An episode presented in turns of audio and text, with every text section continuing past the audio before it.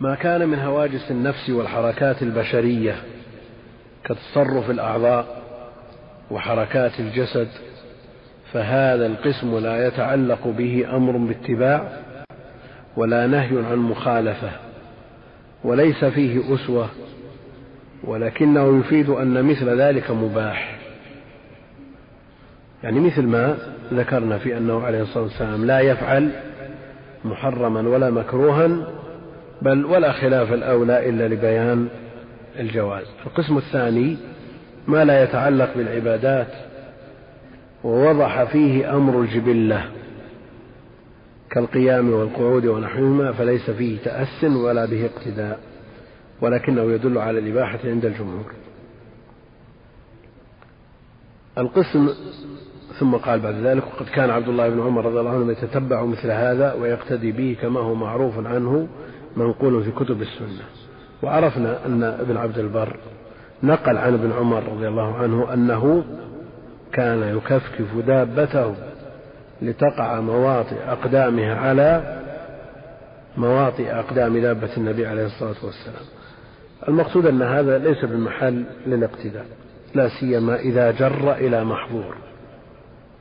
فبعض أفعال ابن عمر رضي الله عنه جرت إلى بعض المحظور من غلو بعض الناس في هذه الأماكن التي آه، جلس فيها النبي عليه الصلاة والسلام اتفاقا من غير قصد ولا تعبد.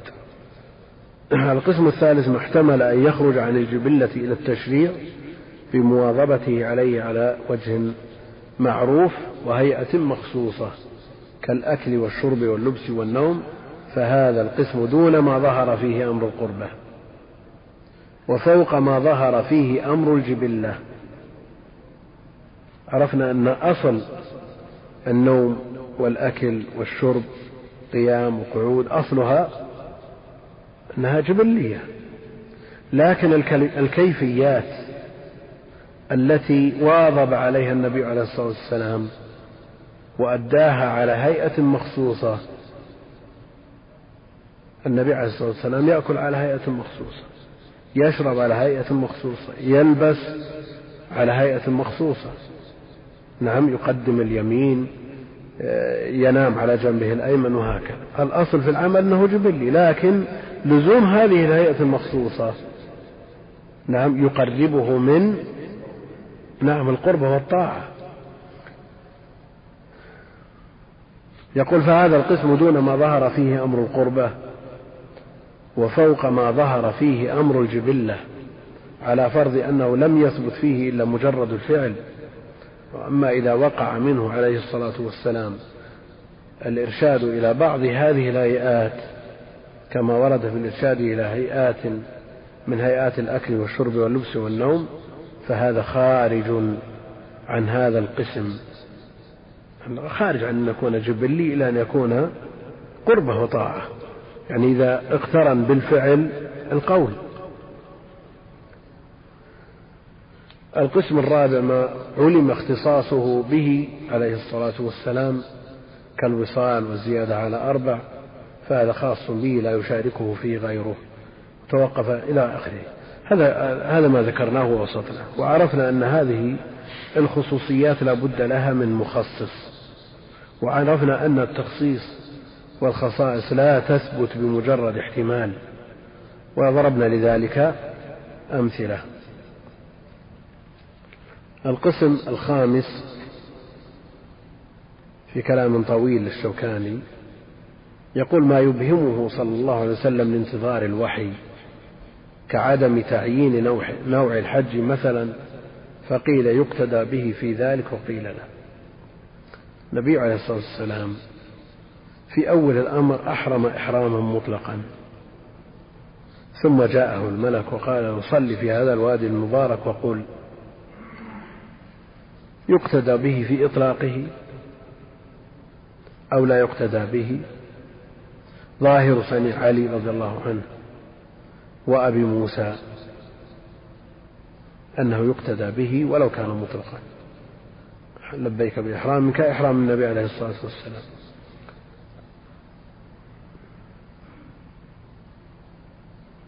هنا يقول فقيل يقتدى به في ذلك وقيل لا.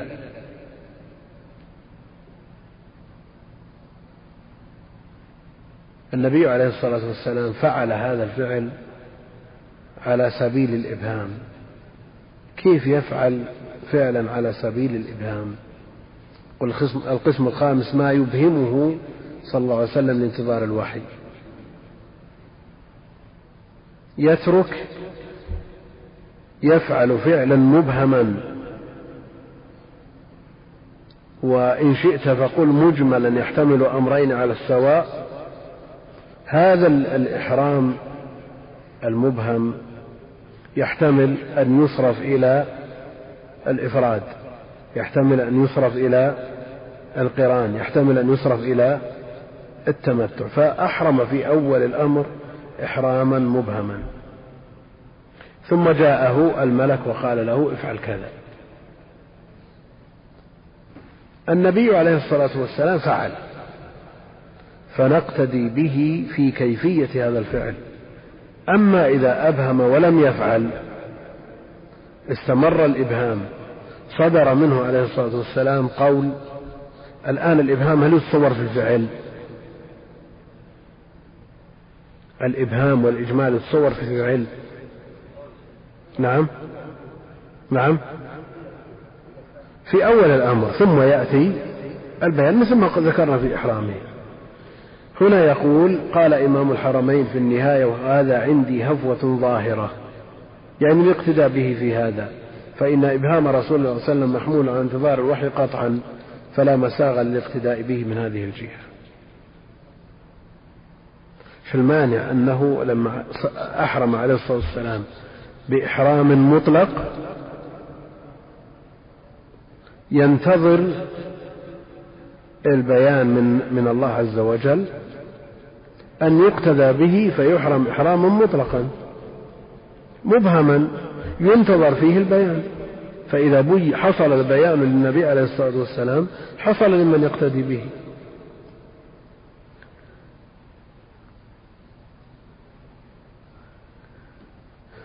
المقصود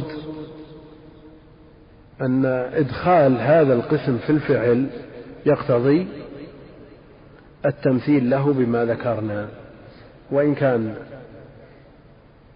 مفهوم كلامه أنه لا يقتضي لأنه قال في قال إمام الحرمين في النهاية وهذه عندي هفوة عظيمة ظاهر فإن إبهام النبي عليه الصلاة والسلام محمول عن انتظار الوحي قطعا فلا مساغ للاقتداء به من هذه الجهة.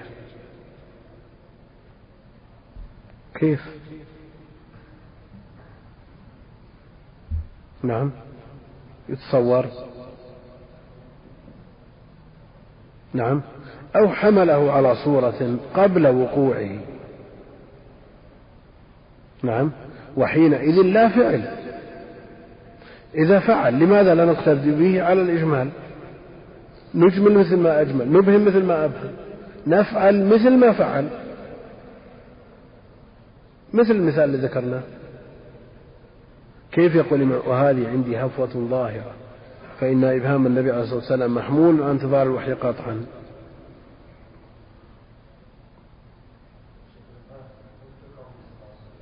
لا هذا كله داخل تحت الأفعال. هذا في تقسيم الأفعال. كيف؟ ما مثل أنا مثلت. هو ما مثل المقصود أننا نحتاج كيف أحرم الصحابة في أول الأمر؟ مثل ما صنع.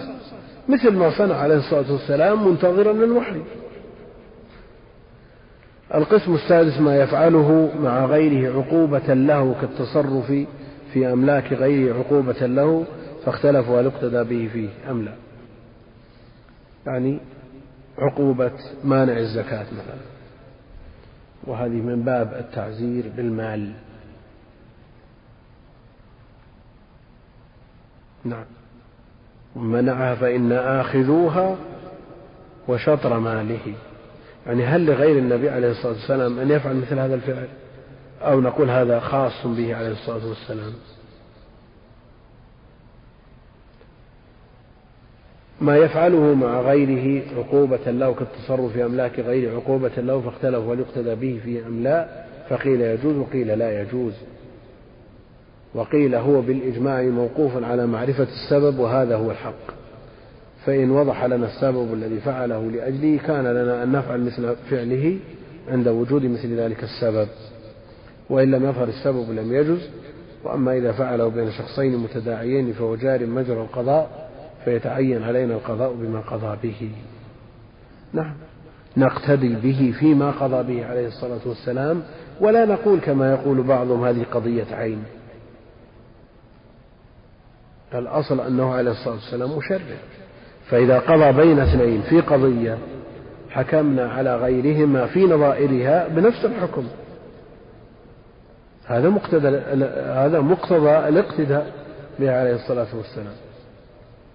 القسم السابع الفعل المجرد عما سبق فإن ورد بيانا كقوله عليه الصلاة والسلام صلوا كما رأيتموني أصلي وخذوا عني مناسككم وكالقطع من الكوع. يعني من المفصل. بيانا لآية السرقة فلا خلاف أنه دليل في حقنا. لماذا؟ لأنه بيان للواجب المأمور به في الكتاب إجمالا وحينئذ يكون بيان واجب إيش؟ واجب.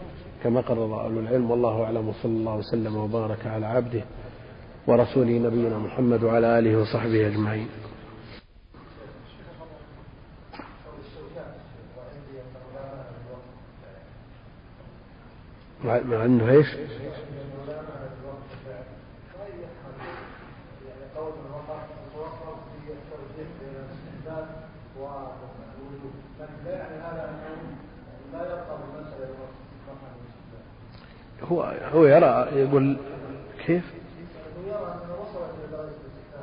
أقل الأحوال أقل الأحوال من الاستحباب. على من توقف؟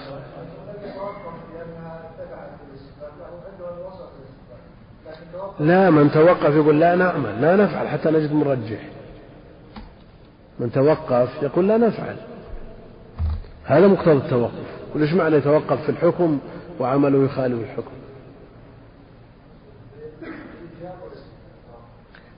كلام على يعني في الترجيح بين الاستحباب لا لا نتوقف. يقول الفعل لا دلالة له حتى نجد ما يأمرنا بالفعل.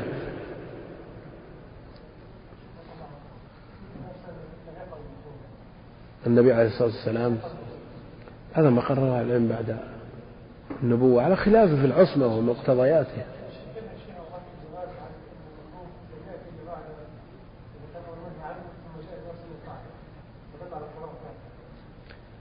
قد يفعل خلاف الأولى لبيان الجواز قد يأمر بشيء ثم يتركه. لماذا؟ ليدل على أن صرفا لهذا الأمر من الوجوب إلى الاستحباب. وقد ينهى. كيف؟ يعني ما يقابل الاستحباب مكروه؟ إيه. لبيان الجواز منه عليه الصلاة والسلام ليس بمكروه. منه لأنه مأمور بالبيان. فهو من هذه الحيثية مطلوب منه. فكيف يجتمع ويتوارد على شيء واحد كونه مطلوبا ممنوعا؟ منه عليه الصلاة والسلام. لا اللهم صل على عبدك. بسم الله الرحمن الرحيم. الحمد لله رب العالمين وصلى الله وسلم على نبينا محمد وعلى آله وصحبه أجمعين. أما بعد فقد قال المصنف رحمه الله تعالى والمجمل ما يفتقر إلى البيان والبيان إخراج الشيء من حيز الإشكال إلى حيز التجلي. والمبين هو النص والنص ما لا يحتمل إلا معنى واحدا وقيل ما تأويله تنزيله وهو مشتق من منصة العروس وهو مشتق من منصة العروس وهو, وهو الكرسي. والظاهر ما احتمل أمرين أحدهما أظهر من الآخر. ويؤول الظاهر بالدليل ويسمى ظاهرا بالدليل. الأفعال فعل صاحب الشريعة إما أن يكون على وجه القربة و فعل صاحب الشريعة لا يخلو إما أن يكون على وجه القربة والطاعة يعني أو لا. يخلو, يعني لا يخلو من أمرين إما أن يكون كذا وإما أن يكون كذا نعم. أو لا يكون. فإن دل الدليل على الاختصاص به حمل على الاختصاص. فإن كان فإن كان على وجه القربة والطاعة. فإن كان على وجه القربة والطاعة. فإن دل الدليل على الاختصاص به حمل على الاختصاص. وإن لم يدل دليل لا يخص به لأن الله تعالى قال لقد كان لكم في رسول الله أسوة حسنة فيحمل على الوجوب عند بعض أصحابنا ومنهم من قال يحمل على الندب ومنهم من قال يتوقف فيه. فإن كان على غير الوجه على غير وجه القربة والطاعة فيحمل على الإباحة في حقه وحقنا. وإقرار صاحب الشريعة وإقرار صاحب الشريعة على القول هو قول صاحب الشريعة وإقراره على الفعل كفعله وما فعل في وقته في غير مجلسه وعلم به علم, علم وعلم به. وعلم به ولم ينكره فحكمه حكم ما فعل في مجلسه. قف على هذا. الحمد لله رب العالمين وصلى الله وسلم وبارك على عبده ورسوله. نبينا محمد وعلى آله وصحبه أجمعين. يقول المؤلف رحمه الله تعالى وإقرار صاحب الشريعة. على القول هو قول صاحب الشريعة. إقرار صاحب الشريعة وهو النبي عليه الصلاة والسلام. على القول الذي يقال بين يديه هو قول صاحب الشريعة. وهذا التعبير فيه تسامح وتجوز. فرق بين القول والإقرار. وإن اشترك الجميع في كونهما سنة. إذ الإقرار أحد وجوه السنن. سنة ما تقدم. أشرنا إليه. في الأفعال ما يضاف إلى النبي عليه الصلاة والسلام من قول أو فعل أو تقرير. أو وصف. خلقي أو خلقي. فالفعل سنة والإقرار سنة. ولذا يقول هنا وإقرار صاحب الشريعة. وهو النبي عليه الصلاة والسلام على القول يعني الذي يقال بين يديه عليه الصلاة والسلام هو قول صاحب الشريعة. وهذا فيه تسامح وتجوز في العبارة. لأن الإقرار شيء والقول شيء آخر. ولو قال هو كقول صاحب الشريعة لكان أولى وأدق. وكما أن إقراره عليه الصلاة والسلام على الفعل كفعله عليه الصلاة والسلام. هذا ما اطلع عليه النبي عليه الصلاة والسلام وفعل بحضرته أو قيل بحضرته فإقراره عليه الصلاة والسلام على ما يقال بحضرته هو كقوله عليه الصلاة والسلام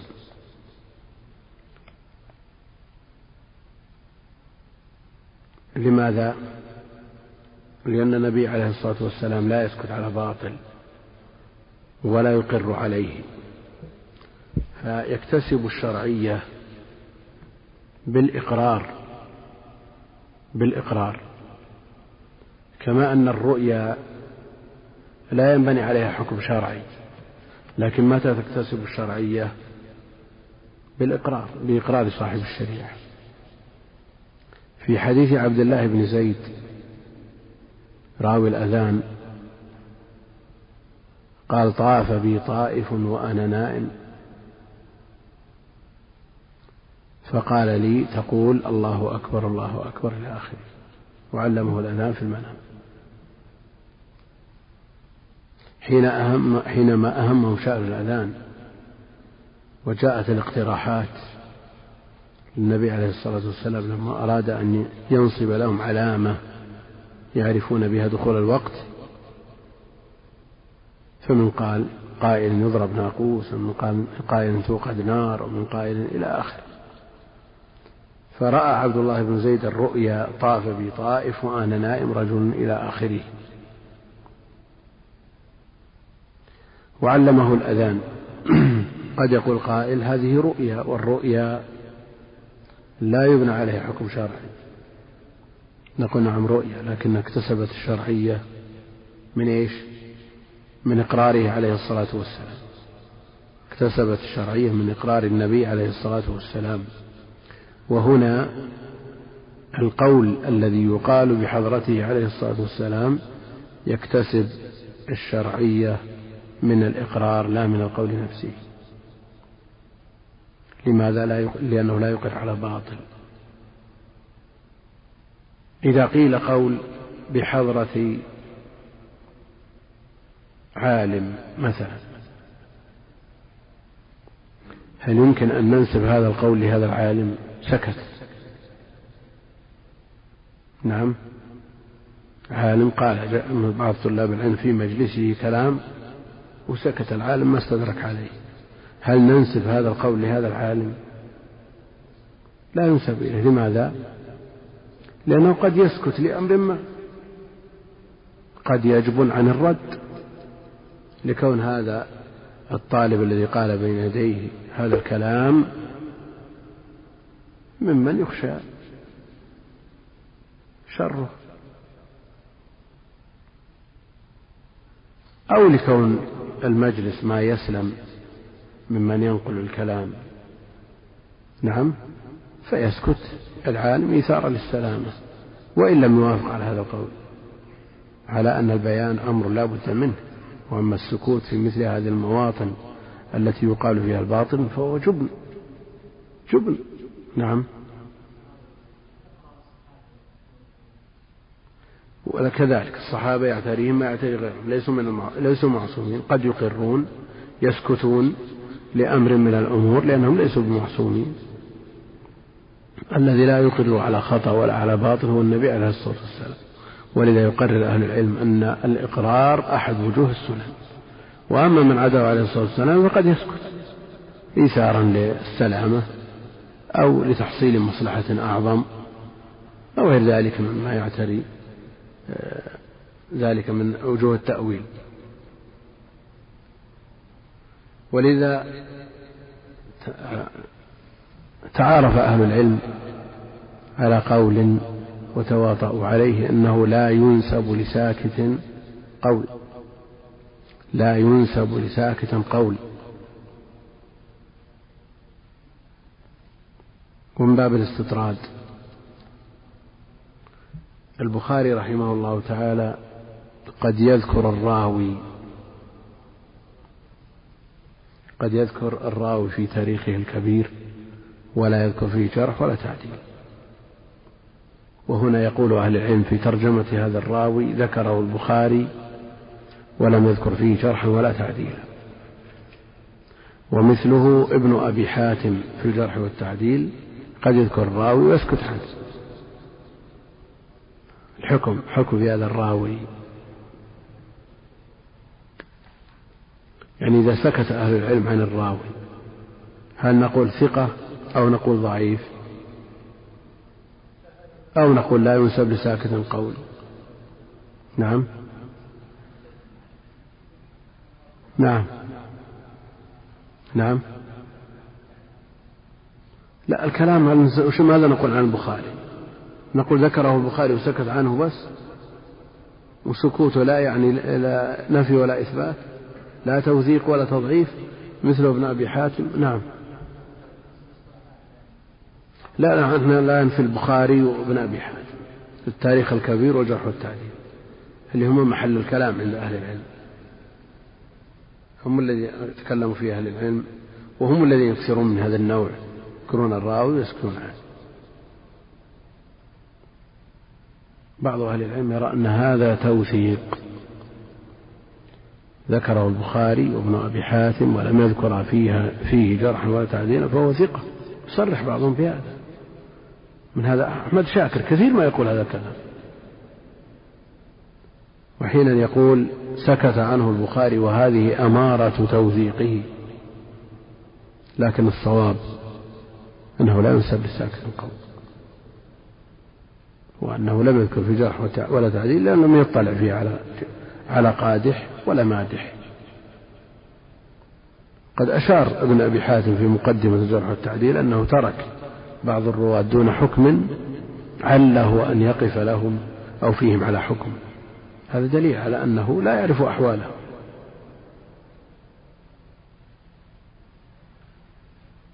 إيش ما ارتباط هذه المسألة بما معنا أو هذا استطراد.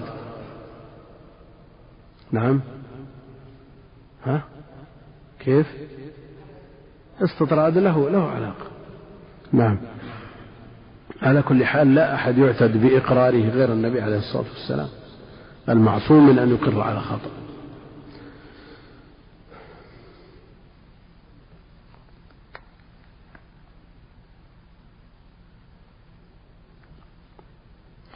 مثل لذلك بإقرار النبي عليه الصلاة والسلام أبا بكر رضي الله عنه على قوله بإعطاء سلب القتيل لقاتله والحديث الصحيحين في غزوة حنين مطولا فيه قصة. وفي الحديث قال أبو بكر الصديق رضي الله عنه لا الله إذا لا يعمد إلى أسد من أسد الله يقاتل عن الله وعن رسوله فيعطيك سلبه. فقال رسول الله صلى الله عليه وسلم صدق فأعطه إياه. الحديث. هذا إقرار على القول. أقسم أبو بكر أن لا يعطى وأقره النبي عليه الصلاة والسلام. إقراره على الفعل. إقراره على الفعل. أي إذا فعل بحضرته عليه الصلاة والسلام فعل ولم ينكره. إذا فعل بحضرة النبي عليه الصلاة والسلام فعل ولم ينكره فإنه حينئذ يكتسب الشرعية من إيش؟ من إقراره عليه الصلاة والسلام كما أقر النبي عليه الصلاة والسلام خالد بن الوليد على أكل الضب أقرار النبي عليه الصلاة والسلام خالد بن الوليد على أكل الضب في الصحيحين وغيرهما من حديث ابن عباس رضي الله عنهما قال دخلت أنا وخالد بن الوليد مع رسول الله صلى الله عليه وسلم بيت ميمونة فأتي بضب محنوذ فأهوى إليه رسول الله صلى الله عليه وسلم بيده. فقال بعض النسوة اللاتي في بيت ميمونة أخبروا رسول الله صلى الله عليه وسلم بما يريد أن يأكل. فأخبروه فرفع رسول الله صلى الله عليه وسلم يده. فقلت أحرام هو يا رسول الله؟ قال لا ولكنه لم يكن بأرض قومي فأجدني أعافه. قال خالد بن وليد فاجتررته فأكلته والنبي عليه الصلاة والسلام ينظر يعني أقره على أكله. إقرار على الفعل. النبي عليه الصلاة والسلام قدم له الضب فلم يأكل لأنه لم يكن بأرض قومه. وقدم له كما في صحيح مسلم خوان. عليه ضب فلم يأكل. نعم.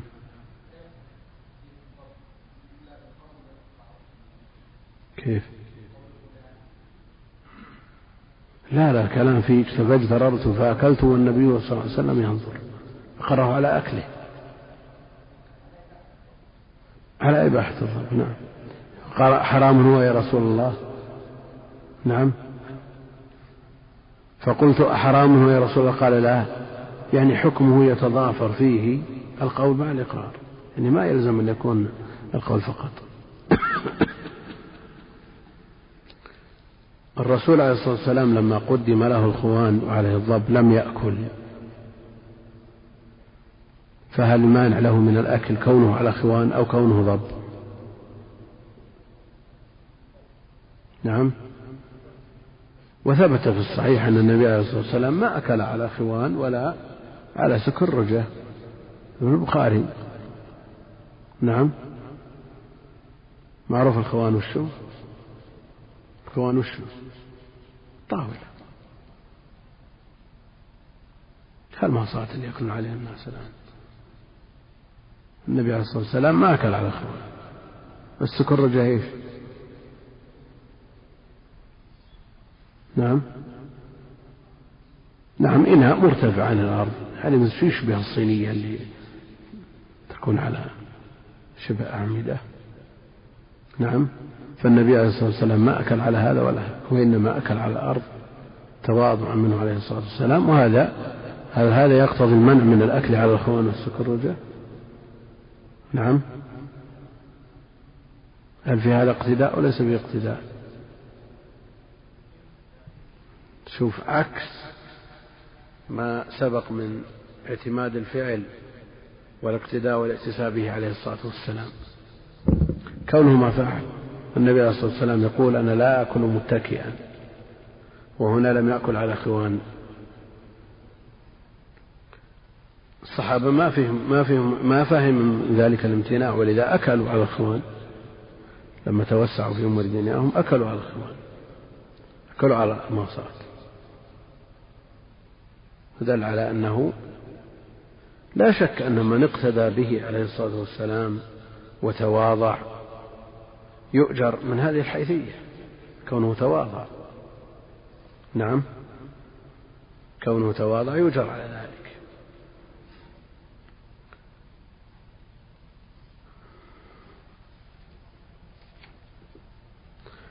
مثال ذلك أيضا إقرار الحبشة. كانوا يلعبون في المسجد. فأقرهم النبي عليه الصلاة والسلام من أجل التأليف على الإسلام. كما في حديث عائشة رضي الله عنها قالت رأيت رسول الله صلى الله عليه وسلم يوما على باب حجرتي والحبشة يلعبون بحرابهم في المسجد. كان في يوم إيش؟ عيد. كان في يوم عيد. فأقرهم النبي عليه الصلاة والسلام ليعلم الناس أو ليعلم اليهود أن في ديننا فسحة. وليس من هذا الإقرار التوسع الذي يعمله الناس اليوم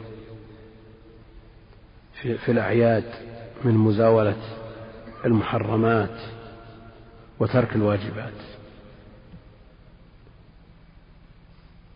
يعلم الناس أن في دينهم فسح ما هو مباح. كونهم يلعبون بالحراب لا بأس. لكن أن يزيد على الأمر على ذلك بارتكاب المحظورات أو ترك مأمورات فلا. المعبود واحد في العيد وفي غير العيد. يعني رب العشر من رمضان هو رب العشر من شوال. واحد. نعم الأوقات تتفاوت تتفاضل. ليس معنى هذا أن الوقت المفضول تزاول فيه المنكرات والمحرمات لا. بل مزاولة المحرمات بعد الأوقات الفاضلة والأعمال الصالحة. قرائن على عدم القبول. نسأل الله السلامة والعافية. فكثير من الناس يتجاوز في أيام العيد ويخرجون إلى النزهات فيتجوزون في استعمال بعض ما يمتنعون منه في غير الأعياد. وليس وجود العيد بمبرر كون الدين فيه فسحة لا يعني أنه يعصى الله عز وجل لا.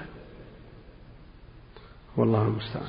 ازداد الأمر سوءا إذا آه، كثرت هذه المنكرات وظهرت ولم تنكر نسأل الله السلامة والعافية.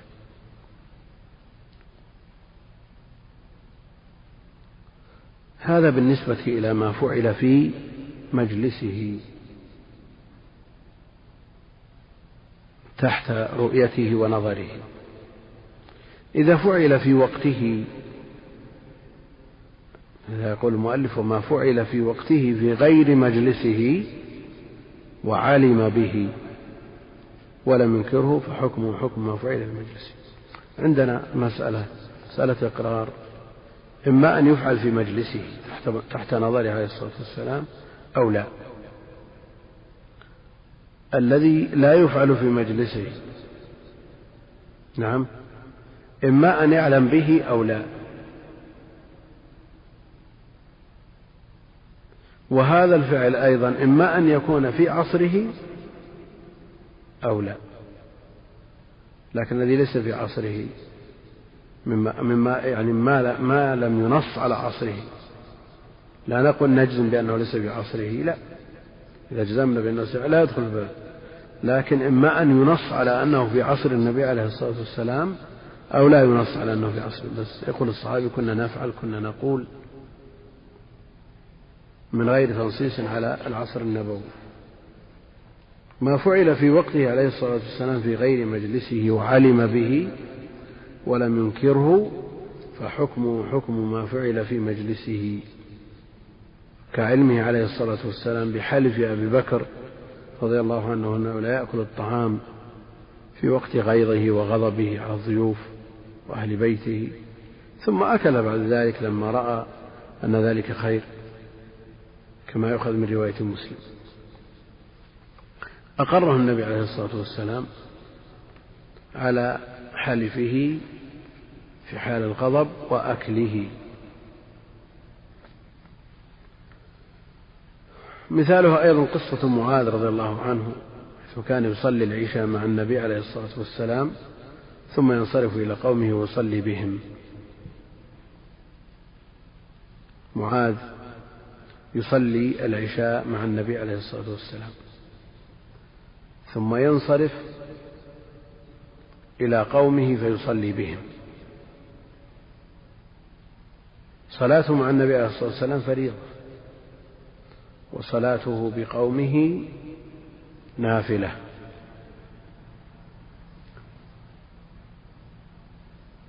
الأصل عدم الاختلاف على الإمام هذا الأصل.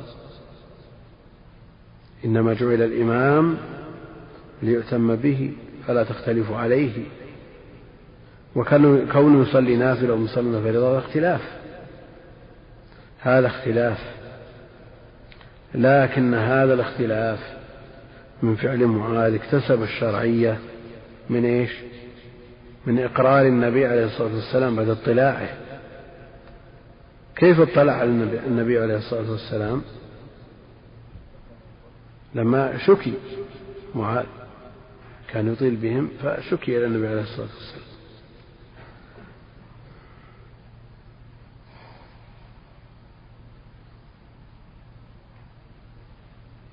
إذا لم يذكر علم النبي عليه الصلاة والسلام.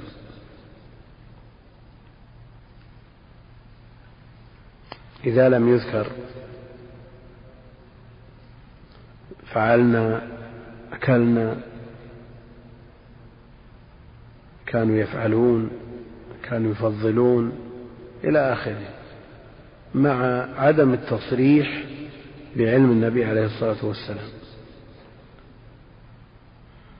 دون ما ذكر بلا شك والخلاف فيه أقوى. دون ذلك إذا لم يذكر علمه عليه الصلاة والسلام بذلك لكن الصحابة يستدلون بذلك بمسائل الخلاف كقول جابر كنا نعزل والقرآن ينزل. متفق عليه. يعني هل هذا في عصر النبي عليه الصلاة والسلام؟ نعم. في عصر النبي بدليل قوله والقرآن ينزل. لكن هل فيه شيء يشير أو يدل على أن النبي عليه الصلاة والسلام يعلم بذلك؟ ليس فيه شيء من ذلك. وقوله كنا نأكل لحم الخيل على عهد النبي صلى الله عليه وسلم. نعم.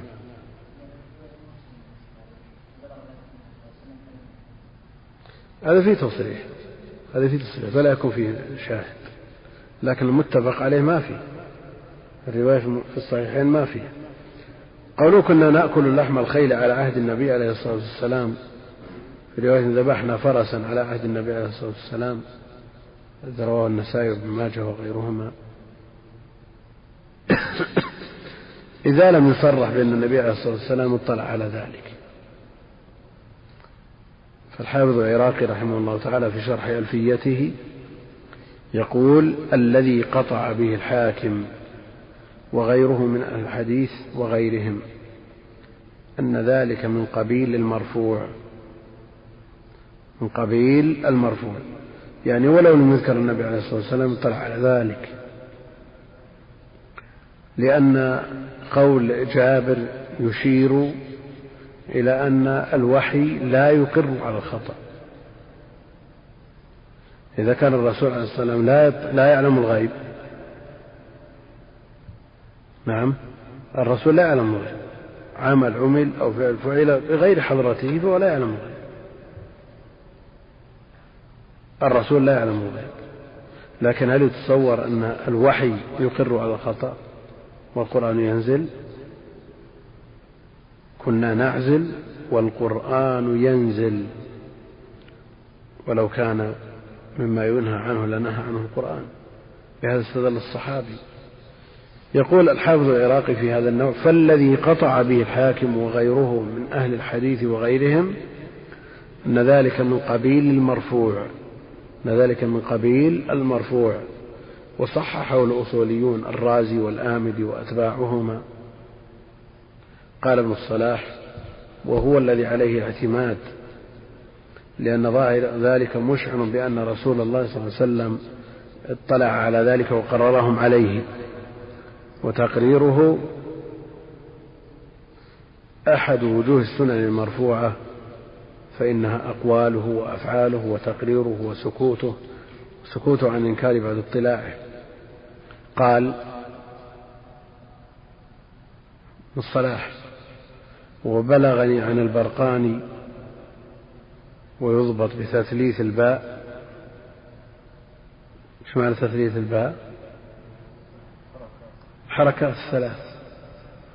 وبلغني عن البرقاني أنه سأل الإسماعيلي عن ذلك فأنكر كونه من المرفوع. أنكر كونه من المرفوع. يعني مثل قول الصحابي إيش؟ أمرنا. خالف أبو بكر الإسماعيلي في كونه من المرفوع. أن الآمر يحتمل أن يكون النبي عليه الصلاة والسلام يحتمل أن يكون غيره. لكن الجمهور على أنه من قبيل ما رفع.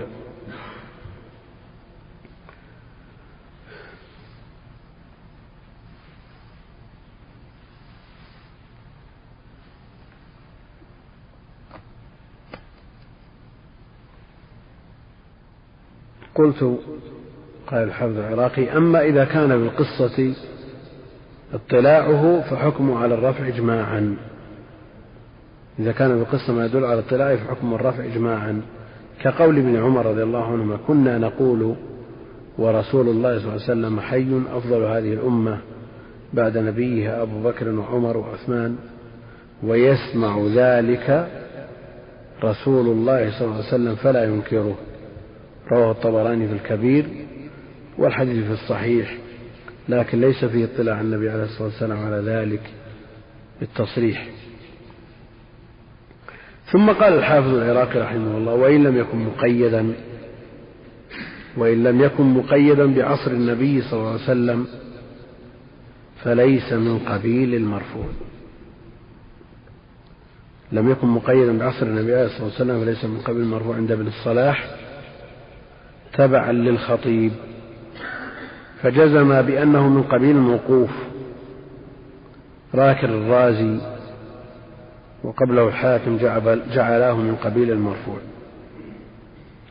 ولو لم يقيده بعهد النبي عليه الصلاة والسلام قد يقول قائل إيش علاقة الرازي والآمدي و وغيرهما من أهل الأصول بهذه المباحث كونه يحكم بأنه مرفوع أو موقوف. نعم.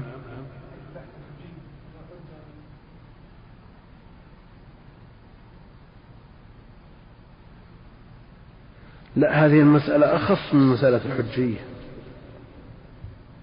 أخص. هل يعني هل الرازي يرجع في إليه في مثل هذا الأمر كون الخبر مرفوع أو موقوف؟ هل يحكم برفعه إلى النبي عليه الصلاة والسلام وبوقفه مثله الآمدي وهو بعيد كل البعد من علوم الأثر. الغزالي أيضا وبضاعته في هذا العلم مزجات كيف يتداول أهل العلم أقوال مثل هؤلاء في هذه المسائل؟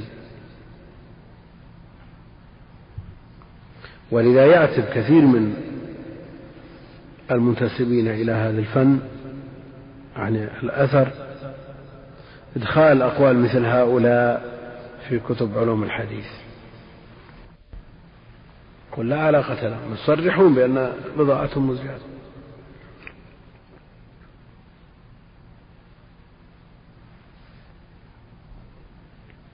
الآمدي في ترجمته اتهم بأنه لا يصلي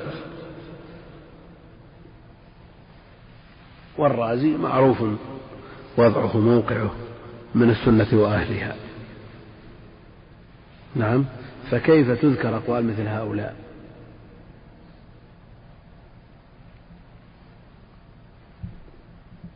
يعني هل مرد كونه مرفوع أو موقوف نص شرعي أو نظر؟ نحرر المسألة الآن الآن دعاوى تلقى بين طلاب العلم بقوة. يقول كيف نعتمد قول الغزالي ويقول بضاعتي في الحديث مزجات كيف نعتمد قول الرازي وكلامه في السنة وأهلها معروف؟ كيف نعتمد الآمدي وفي ترجمته ذكر أشياء ذكر عظائم؟ وإن كان كثير منها لا يثبت. أقول التفريق في هذه الأمور كونه مرسل أو موصول كونه موقوف أو مرفوع هل هذا يترتب أو ينبني أو يستنبط من أثر وخبر؟ الذي نقول هم بعيدون كل البعد عنه أو هو محل نظر ودقة. نعم. نعم. كيف؟ محل نظر. محل نظر. لأنه كيف يقول مثلا؟ هذا من قبيل المرفوع وهذا يقول من قبيل الموقوف. نأتي إلى مسألة أدق مسألة كون باب النبي عليه الصلاة والسلام يقرع بالأظافير. هكذا. اختلفوا في كونه مرفوع أو موقوف. أولا المسائل التي يتفق عليها أهل هذا الشأن الأئمة الكبار لا كلام لأحد مع كلامهم. نعم. إذا حكموا بأن هذا مرفوع ليس لأحد كلام معه. لكن إذا اختلفوا فتذكر مثل أقوال مثل هؤلاء يستأنس بها. نعم. وكم من قائل قال كلمة فتح الله بها آفاق؟ تحت مغاليق. لا سيما إذا كانت الكلمة تدور مع النظر وليس مردها إلى الأثر. في فهم الأثر مثلا رب مبلغ أو عام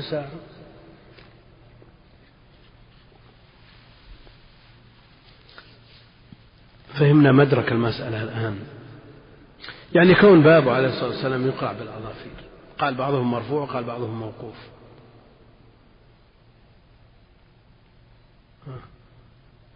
يعني هل هذا نحتاج إلى أن أن عائشة أو غيرها من أمهات المؤمنين تقول هذا مرفوع أو هذا موقوف؟ أو تصرح بأن النبي عليه الصلاة والسلام كان يسمع فنقول مرفوع أو لا يسمع فنقول موقوف نقل هكذا كان بابه يقرع بالأظافير إيش تسوي؟ إيش تقول هذا موقوف ولا مرفوع؟ كيف؟ هذا يرجع إلى النظر هذه مسألة نظرية ليست أثرية يعني فهمها نظري كيف؟ نعم كيف نقول نظري؟ نقول بيوتهم صغيرة. الذي يقول مرفوع يقول بيوتهم عبارة عن غرفة. فيبعد أن لا يسمع النبي عليه الصلاة والسلام هذا القرع. فيقرهم عليه. نعم. من جهة أخرى قد يقول قائل الظفر ماذا يفعل في الباب اللي, اللي عرضه شبر؟ باب من الخشب. يقرأ بالأظافير. شو يصنع الظفر به؟ لا يسمع الرسول. ولكل وجهه. نعم.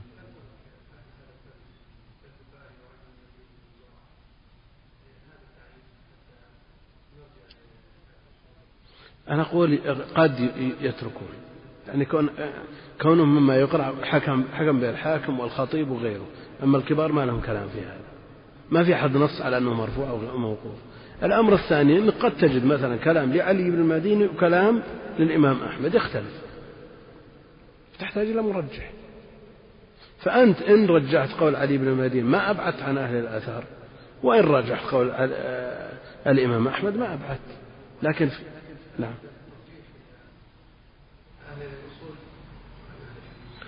بدل ما نرجح من أنفسنا نحتاج إلى إلى أحد يسندنا. هي المسألة مسألة فهوم الترجيح يعتمد على إيش؟ في مثل هذه القضايا ما يعتمد على نصوص. هو في نصوص مرفوعة إلى أن هذا موقوف وهذا إما يحكم بوقفه أو يحكم برفعه نعم. إذا المسألة مسألة نظر دقة نظر.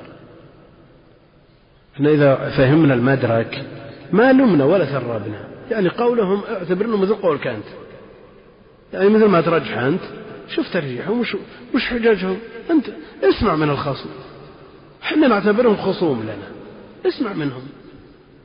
باعتبارنا من أهل الآثار نعتبر هؤلاء خصوم. اسمع كلامهم. لا سيما والسنة مبحث كبير في كتب الأصول. هل نقول لأهل الأصول اتركوا السنة ما بشغلكم؟ لا تبحثون في كتب الأصول.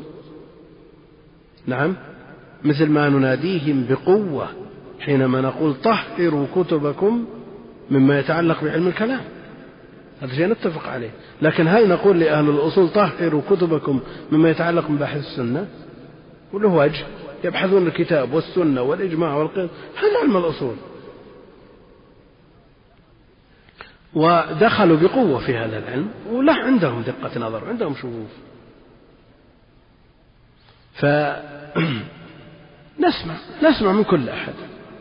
ولعل الله يفتح على على على على يد أحد منهم؟ ذهن مغلق. نعم لأن مثل ما قلت مرارا أن الحكم بأن هذا مرفوع أو موقوف من قبل ما رفع أو موقف كله من باب الفهم. الفهم. هو خبر. نعم كون الغزالي يقول خبر ثابت أو غير ثابت نقول لا بضع أكمز نعم نأتي إلى الأئمة اللي هم العمدة في هذا الباب. لكن إذا ثبت الخبر. نستنير بآراء أهل العلم. نعم.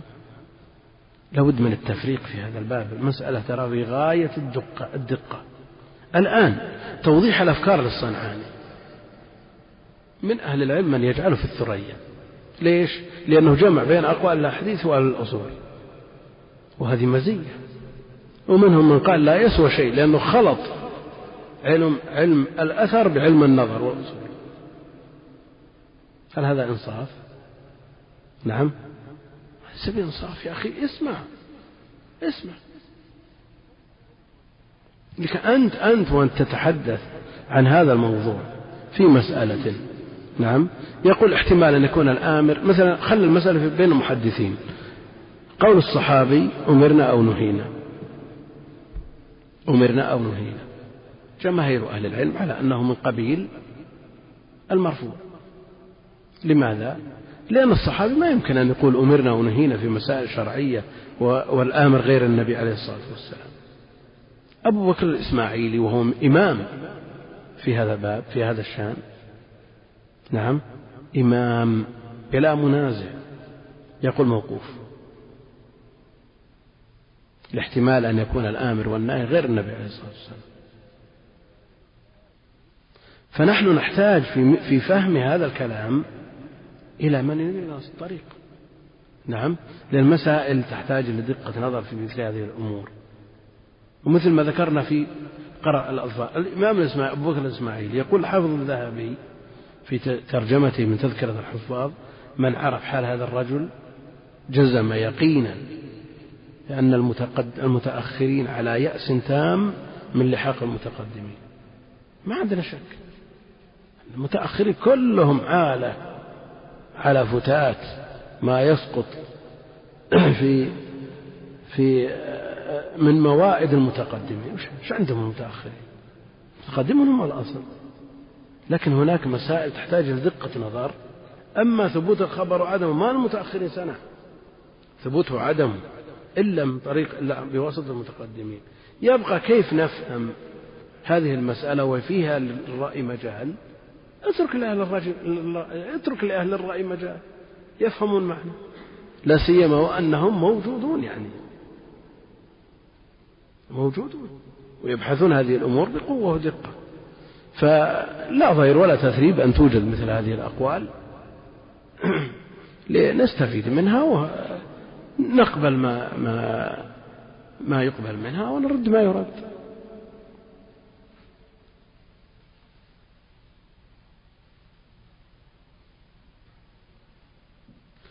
يقول لكن الرازي ثم قال العراقي وإن لم يكن مقيدا بعصر النبي عليه الصلاة والسلام فليس من قبيل المرفوع وعند ابن الصلاح تبعا للخطيب آه، فجزم بأنه من قبيل الموقوف فليس من قبيل المرفوع عند ابن الصلاح وتبعا للخطيب فحيث جزم بأنه من قبيل الموقوف لكن الرازي وقبله الحاكم جعلاه من قبيل المرفوع. جعلاه من قبيل المرفوع ولو لم يقيده بعهد النبي صلى الله عليه وسلم. وقال ابن الصباغ في العدة إنه الظاهر إنه الظاهر. ومثله بقول عائشة رضي الله عنها كانت اليد لا تقطع في الشيء التافه. كانت اليد لا تقطع في الشيء التافه. متى كانت؟ يعني في عهد النبي عليه الصلاة والسلام؟ أو في عهد أبي بكر؟ أو في عهد عمر رضي الله عنه؟ أو في عهد عثمان؟ أو في عهد علي؟ أو في عهد معاوية؟ تأخرت وفاته كانت لا تقطع اليد اليد في الشيء التافه. يعني هذا محل نظر. أقول للرأي فيه مجال. لكن ما يمكن عائشة تستدل بمثل هذا الكلام في حكم شرعي إلا وعندها أصل مما يحتج به. أصل مما يحتج به.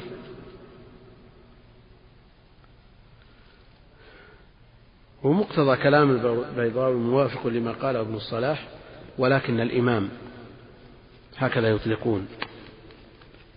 ولكن الإمام إيش الإمام هذا؟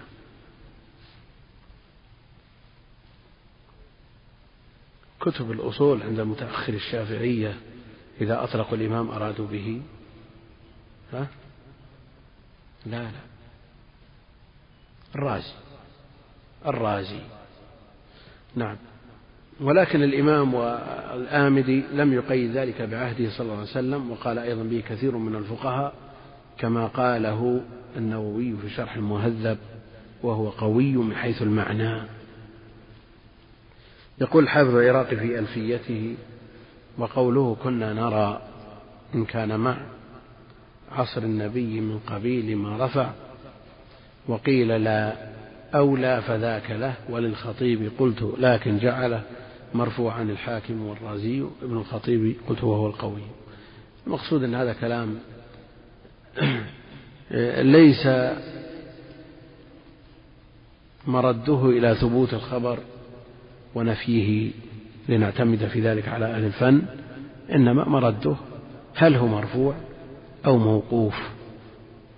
يعني عمل عمل شخص عمل عمل أو نسب إلى جماعة كانوا يعملون أو كانوا يفعلون ولم يذكر عصر النبي عليه الصلاة والسلام المسألة محتملة احتمال قائم. لكن نقول أن الصحابي إذا قال كنا نفعل ويستدل بذلك في مقابلة خصم ليستدل عليه في هذه المسألة. ويقرر له ثبوت هذه المسألة لا يمكن أن يقولها إلا ولده أصل. يقول الشيخ زكريا الأنصاري في شرح على الألفية يقول تحصل في المسألة ثلاثة أقوال. الرفع مطلقا والوقف مطلقا والتفصيل بين ما قيد بالعصر النبوي وما لم يقيد به. هذه الأقوال التي ذكرها الحافظ العراقي.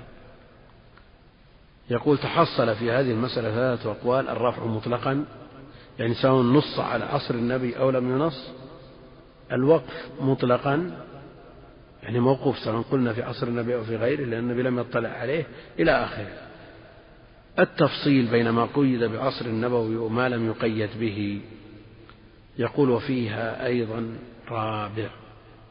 هنا قول رابع وهو إن كان الفعل مما لا يخفى غالبا فمرفوع وإلا فموقوف.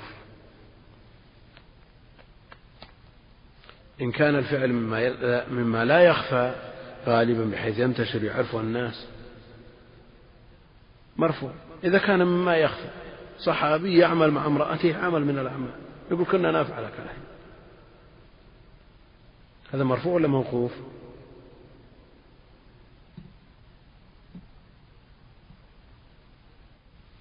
ها. هذا التفصيل له وجه ولا ما له وجه؟ إن كان مما يخفى مما لا يخفى بحيث إذا عمله عمل إما أن يطلع عليه النبي عليه الصلاة والسلام أو يطلع غيره فينقله للنبي عليه الصلاة والسلام لكن أمر خفي بين زوج وزوجته لم يطلع عليه النبي عليه الصلاة والسلام ولم يطلع إليه أحد ينقله إلى النبي عليه الصلاة والسلام لكن يبقى أنه في عصر التنزيل في عصر التنزيل. ومن أدل الأدلة على ذلك قول كنا نعزل والقرآن ينزل. هذا مما يخفى. واستدلوا على أنه مرفوع بكون القرآن قررهم عليه ولم ولم ينكر عليهم. وقول الخامس وهو إن ذكر في معرض الاحتجاج فمرفوع ولا فموقوف. يعني هذا القول الذي كانوا يفعلونه وهذا الفعل الذي كانوا يفعلونه مما لم يذكر فيه عصر النبي عليه الصلاة والسلام إن ذكره الصحابي على أساس أنه قاله على سبيل الاحتجاج يحتج به على خصم يقرر به مسألة شرعية. إن قاله الصحابي في هذا المعرض كنا مرفوع لأنه ما يمكن أن يستدل الصحابي ويحتج إلا بشيء تثبت به الحجية. ولا قول لأحد أو فعل لأحد تثبت به الحجية إلا ما نسب إلى النبي عليه الصلاة والسلام. وسابع وهو إن قال كنا نرى فموقوف أو كنا نفعل أو نحوه فمرفوع. إن قال الصحابي كنا نرى فموقوف. وإن قال كنا نفعل أو نحوه فمرفوع لماذا؟ يقول لأن نرى من الرأي. لأن نرى من الرأي فيحتمل أن يكون مستنده استنباطا. فيحتمل أن يكون مستنده استنباطا لا توقيفا. كنا نرى يعني من الرأي. أما إذا كنا نفعل واضح الفرق بينهما ولا مو واضح؟ واضح من حيث اللفظ. ثم محل الخلاف إذا لم يكن في القصة اطلاع عليه الصلاة والسلام على ذلك وإلا فحكم الرفع قطعا. وبالجملة ما قيد من ذلك بالعصر النبوي حكمه الرفع. إما قطعا أو على الأصح. يقول الناظم ناظم آه، الورقات. وإن أقر قول غيره جعل كقوله كذاك فعل قد فعل وما جرى في عصره ثم اطلع عليه إن أقره فليتبع.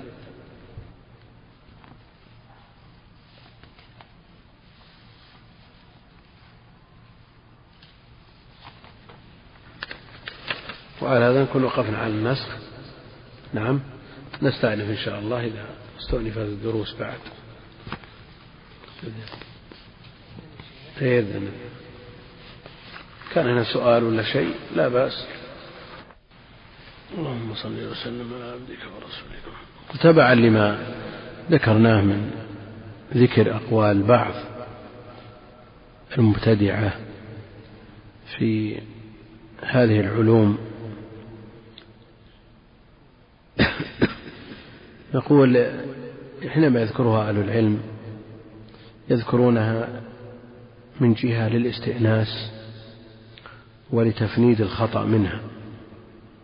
ما صح منها يستأنس به وما له حظ من النظر يستأنس به. وما لا حظ له من النظر من أجل أن يفند ويرد عليه. كما يذكر أهل العلم أقوال. في علوم الحديث ذكروا أقوال بعض الأطباء. بعض الأطباء. نعم. في كتب علم الحديث. الفقهاء يستندون إلى كلام الأطباء. في علوم الحديث احتجنا إلى كتاب الأغاني لأبي الفرج الأصبحاني هل عمدة أبو الفرج؟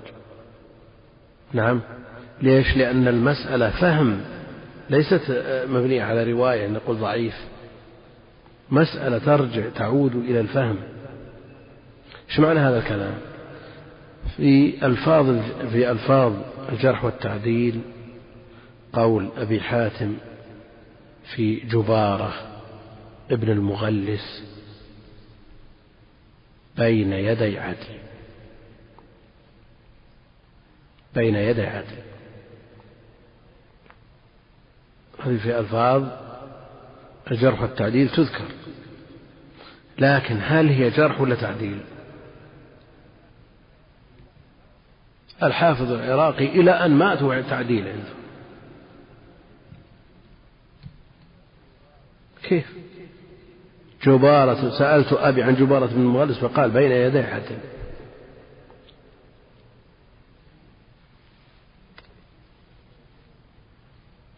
هل نقول يرجع إلى الأغاني يا إخوان؟ كتاب الأغاني بفرج السؤال. كتاب خسيس خبيث لكن احتجنا له في هذه المسألة. الحافظ العراقي مضى على أنها تعديل وكان يقرأها بين يدي عدل.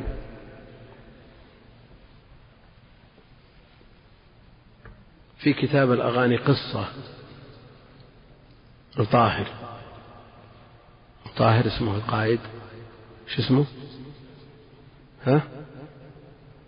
قائد من قواد الرشيد نعم. شو اسمه؟ بن طاهر. نعم. فالرشيد له ولد اسمه إبراهيم. نعم. فكان طاهر. على المائدة. فجاء إبراهيم أخذ هندبات. يم كوسة ولا قرعة ولا شيء. نعم. فضرب بها طاهر. نعم. فأصابت إحدى عينيه. وطاهر أعور. وأصابت السليمة. نعم. فشكاه إلى أبيه. فقال ضرب السليمة والأخرى بين يدي عدل. وش استفدنا الأخرى وش تالفة فنستفيد من هذا أن معنى قوله بين يدي عدل تالف. شديد الضعف. الآن إحنا اعتمدنا على أبي الفرج ولا اعتمدنا أخذنا من من القصة فهمنا من مجموع القصة. القصة. ذهبنا نبحث عما وراء هذه القصة. إيش معنى العدل؟ هل نذهب في العدل أنه مصدر عدل لا يعدل عدالة فهو عدل إلى آخره؟ نعم. لا ما نبحث عن هذا وقد قيلت في عين عورة. نبحث عن معانيها الأخرى. فنجدهم يقولون كما في أدب الكاتب لابن قتيبة يقول العدل شخص اسمه العدل. وكان هذا الرجل على شرطة تبع. وين تبع؟ احتجناه في علوم الحديث تبع. واحتجنا الأغاني واحتجنا أدب الكاتب. ليش؟ نعم.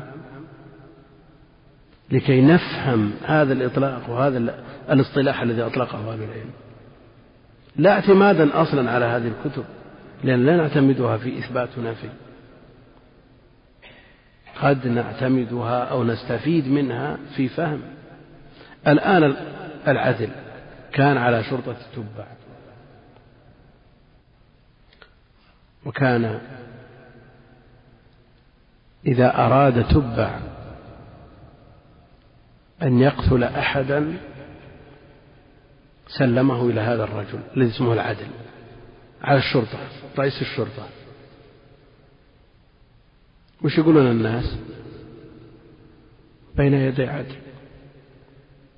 بين يدي عدل وش بيسوي؟ ذا عادل ها؟ يبي يقتله. إذا بين يدي عدل يعني محكوم عليه بإيش؟ بالهلاك. الآن يا أخوان استفدنا من الأغاني ومن أدب الكاتب ومن كذا ولا ما استفدنا؟ استفدنا. فالحافظ العراقي حينما فهم عن قولهم بين يدي عدل أنها تعديل وكان ينطقها هكذا بين يدي عدل. ما له إلا الظاهر؟ من يبي يجي على بال هذه تجريح؟ بل تجريح شديد. وهذا لفظها. لولا هذه القصص التي وجدت في هذه الكتب التالفة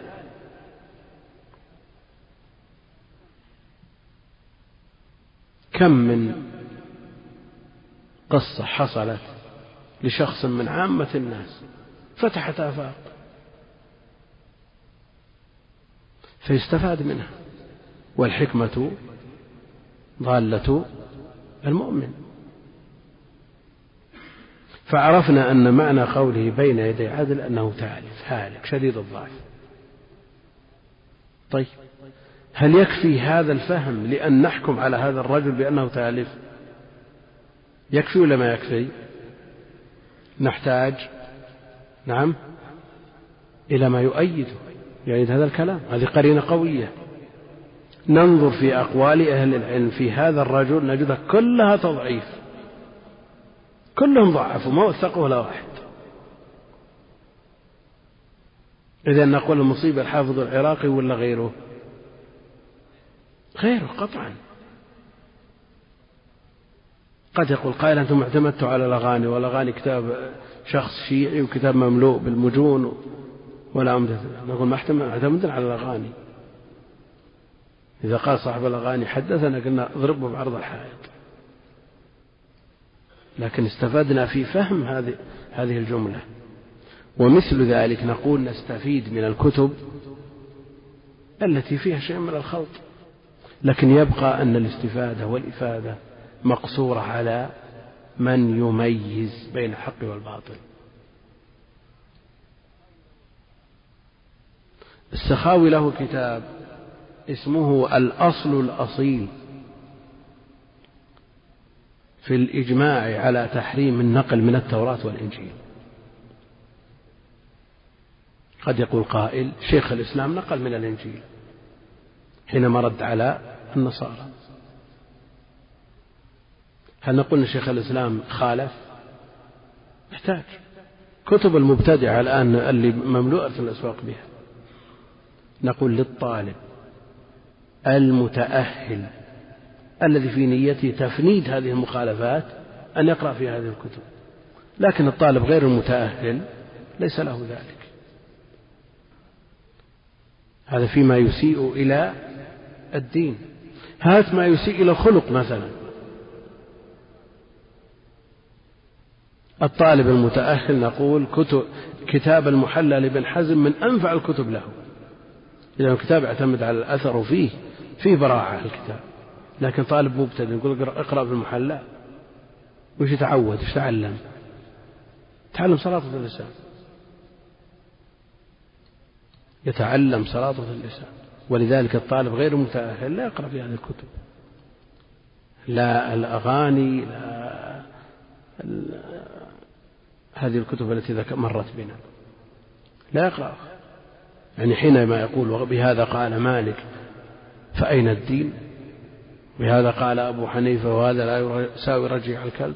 يصلح طالب علم يربى على هذه الجمل أبدا. لكن طالب متمكن يدرك الصواب من الباطل حق من الخطأ. نعم لا مانع أن يقرأ في هذه الكتب. نعم في شيء؟ كم باقي على الإقامة؟ ها؟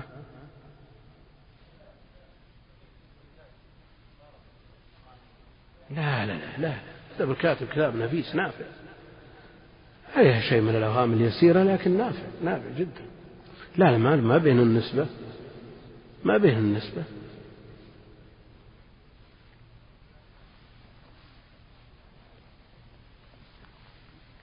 الآن صار له ربع من أو أكثر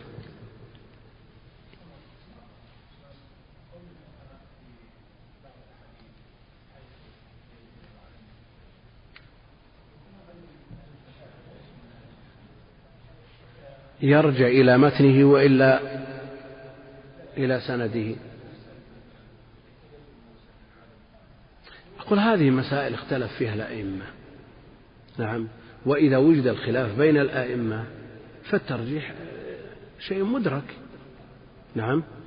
شيء مدرك. الترجيح يدركه. مسألة ترجيح ما هي مسألة اعتماد على كلامهم. نعم. فأيضا كون الفقهاء يفهمون من هذا الخبر فهم. دعنا من قضايا الإسناد من قضايا الإسناد لأهل الحديث. يبقى متن الحديث. لا شك لهم اعتبار. رجال عقلاء يفهمون. أهل نظر أهل دقة؟ ولذا يقول ابن حبان وإن كان الكلام ليس على إطلاقه حديث يتداوله الفقهاء أفضل من حديث يتداوله الشيوخ. لأن الفقهاء لهم دقة نظر في المتون. ولذا شاع على ألسنة الناس في العصور الوسطى أن الفقهاء هم الأطباء الفقهاء هم الأطباء وأهل الحديث صيادلة. لكن هذا الكلام ليس بصحيح. أهل الحديث هم الفقهاء وهم المعول عليهم في الإثبات وفي الاستنباط.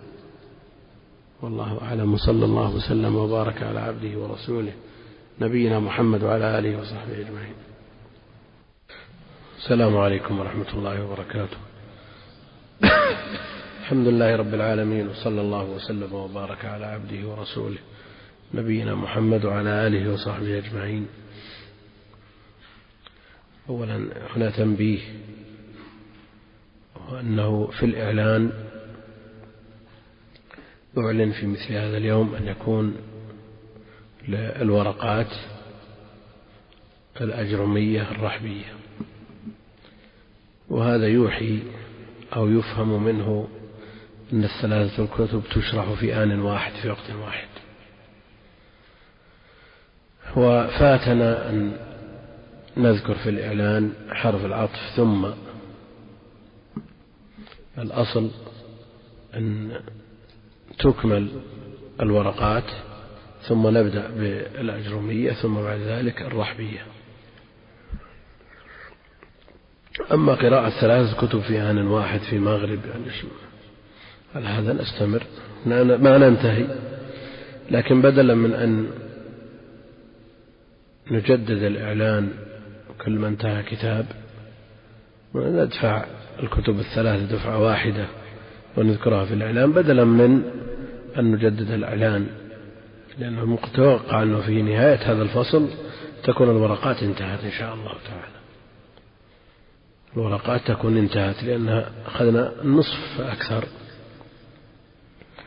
ثم بعد ذلك نشرح بإذن الله تعالى الأجرمية ثم الرحبية.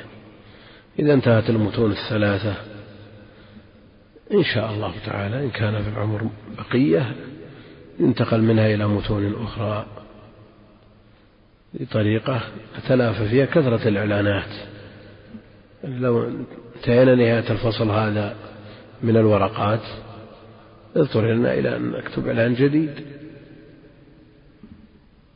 اضطررنا إلى نكتب إعلان جديد للكتاب الجديد. بدلا من ذلك نزلنا الكتب الثلاث دفعة واحدة. وإلا ولئلا يكون أيضا للاضطراب مجال هذه كتب اتفق عليها سابقا أنها تبدأ مرتبة هكذا لئلا يقترح أحد لماذا لا يؤتى بكذا لماذا لا يقدم كذا. نقطع الخط على مثل هذه التساؤلات. فدفعا الإيهام الذي يحتوي عليه الإعلان قدمنا بهذه المقدمة والكل فاهم إن شاء الله تعالى. لأنه يكثر السؤال. يمكن بعض الأخوان جايب ثلاثة كتب. جايب الكتب الثلاثة. ورقات وأجرمية ورهبية وليس هذا هو المراد. لكن غاية ما هنالك أن أن حرف العطف ثم ترك. وإن كان مرادا. نتابع ما وقفنا عليه في الورقات وقفنا على النسخ؟ نعم. سم. بسم الله الرحمن الرحيم. الحمد لله رب العالمين وصلى الله وسلم على نبينا محمد وعلى آله وصحبه أجمعين. أما بعد فقد قال المؤلف رحمه الله تعالى وأما النسخ فمعناه الإزالة. يقال نسخت الشمس الظل إذا أزالته. وقيل معناه النقل من قولهم نسخت ما في الكتاب إذا نقلته إذا نقلته إذا نقلته. نسخت ما في هذا الكتاب إذا نقلته. نعم. إذا نقلته بأشكال كتابته.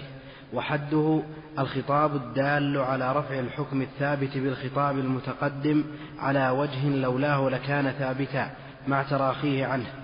ويجوز نسخ الرسم ويجوز نسخ الرسم وبقاء الحكم ونسخ الحكم وبقاء الرسم ونسخ الأمرين معا. وينقسم وينقسم النسخ إلى بدل وإلى غير بدل وإلى ما هو أغلظ وإلى ما هو أخف. ويجوز نسخ الكتاب بالكتاب ونسخ السنة بالكتاب.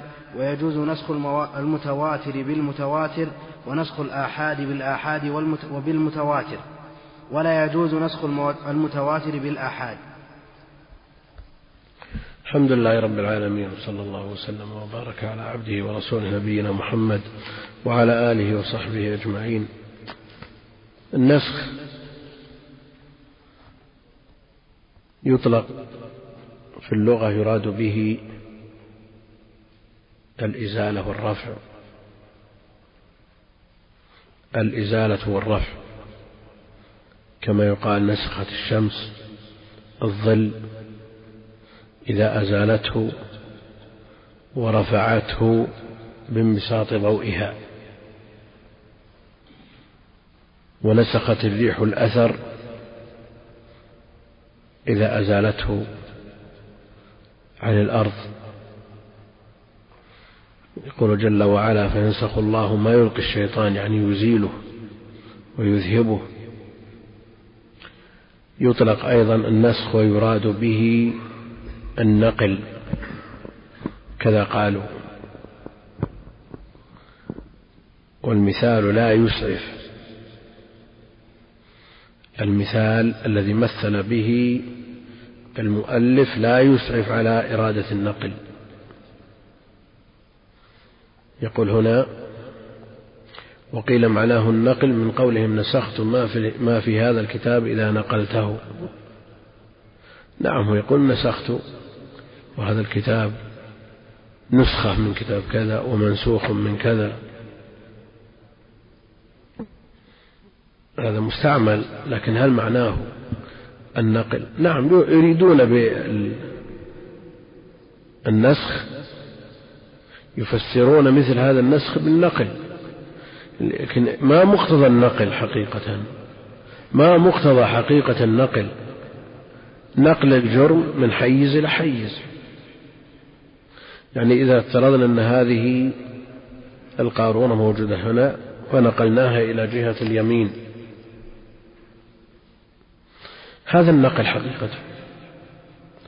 يعني النقل انتقال الجرم من حيز إلى حيز. لكن هل النقل بمعنى النسخ بمعنى النقل يراد به هذا؟ بعضهم يريد أن يخلص من هذا الإشكال يقول يشبه يطلق على ما يشبه النقل.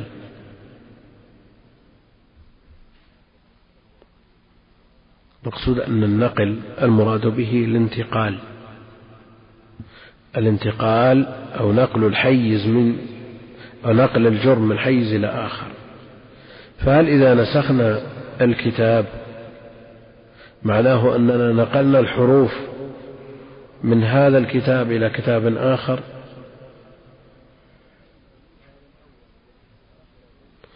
يعني الكتاب الأول الذي نسخنا منه ونقلنا منه الكلام مقتضى النقل الحقيقي أن يكون الكتاب الأول دفتر ما في كتابة نقلنا الكتاب منه. أليس هذا مقتضاه؟ لا شك أن إطلاق النسخ على النقل تجوز.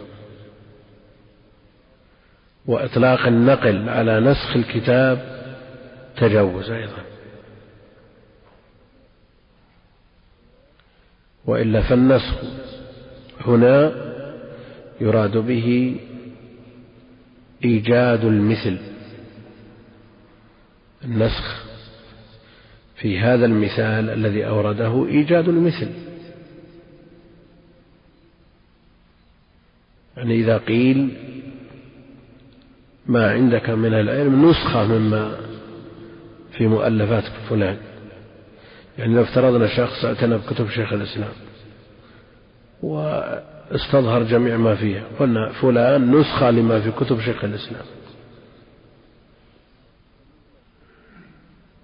فهل معنى هذا أن جميع ما في كتب شيخ الإسلام انتقل إلى ذهنه فصار حاضرا فيه لا. ولا شك أن مثل هذا التعبير فيه تجوز. يقول وقيل معناه النقل من قولهم نسخ نسخت ما في هذا الكتاب إذا نقلته. من قولهم يناسب قوله من قولهم. إذا أتى بإذا.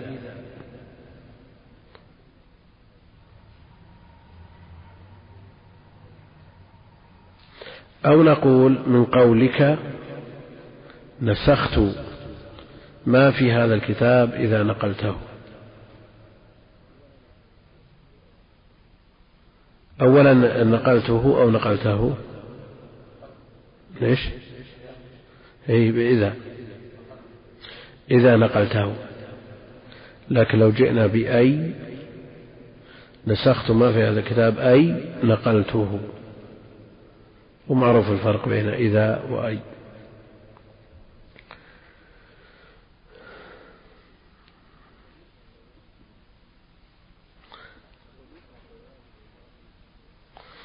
يقول يطلق ويراد به النقل.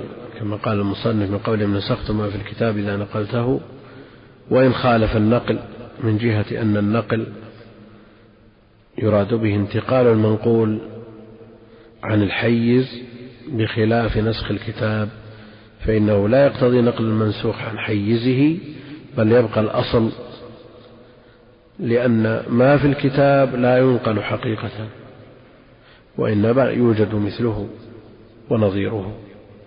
يقول تعالى إنا كنا نستنسخ ما كنتم تعملون. في مختصر التحرير يقول النسخ حقيقة في الإزالة مجاز في النقل. حقيقة في الإزالة مجاز في النقل. في قرة العين عندكم شرح الورقات؟ نقل عن بعضهم يرحمك الله. نقل عن بعضهم قولا ثالثا أنه حقيقة في النقل مجاز في الإزالة عكس ما في مختصر التحرير عند من يقسم الكلام إلى حقيقة ومجاز قد يقول مثل هذا الكلام. لا سيما وأن النقل ليس بنسخ حقيقي. أو النسخ ليس بنقل حقيقي. لكن الذي ينفي, ينفي وجود المجاز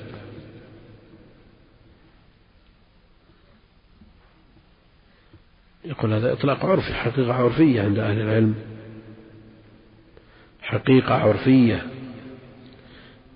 يطلقون نسخ ما في الكتاب وإيجاد صورة منه على ما يشبه النقل.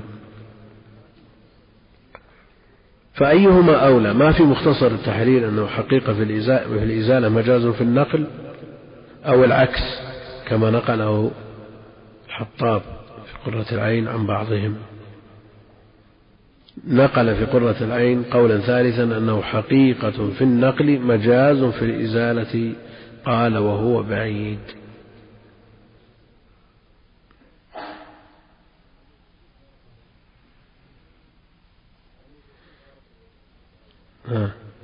يعني وش الفرق بين القولين؟ أن الاستعمال الأصلي لهذه الكلمة يعني أن هذه الكلمة وضعت أصلا ليش للنقل على كلام صاحب التحرير. آه، للإزالة على كلام صاحب التحرير ثم استعملت على غير الأصل في النقل والعكس فيما نقله صاحب قرة العين. على كل حال هذا كلام تفصيله يحتاج إلى وقت. النقل في أو النسخ في الاصطلاح النقل في الاصطلاح حده المؤلف يعني عرفه حد التعريف قال وحده وحده الخطاب الدال على رفع الحكم الثابت بالخطاب المتقدم على رفع الحكم الثابت بالخطاب المتقدم على وجه لولاه لكان ثابتا مع تراخيه عنه. هنا فيه رفع حكم رفع حكم ثابت بخطاب ولا بد أن يكون هذا الرفع بخطاب أيضا. رفع حكم ثابت بخطاب بخطاب آخر متراخ عنه. وهنا يقول حده الخطاب الدال على رفع الحكم الثابت بالخطاب.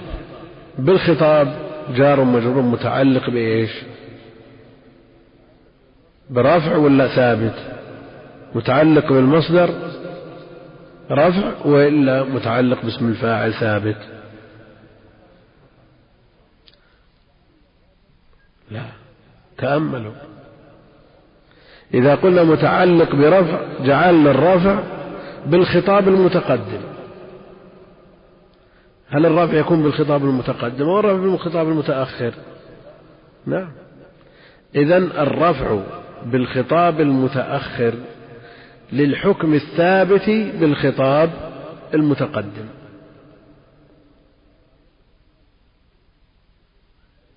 ظاهر ولا مو ظاهر؟ يعني إذا إذا قلنا بالخطاب المتقدم متعلق بالمصدر الذي هو رافع يترتب عليه إيش؟ أن الرفع بالخطاب المتقدم هذا ليس بصحيح. الرفع يكون بالخطاب المتأخر لأن المتأخر هو الذي يرفع. والرفع لما ثبت بخطاب متقدم منسوخ.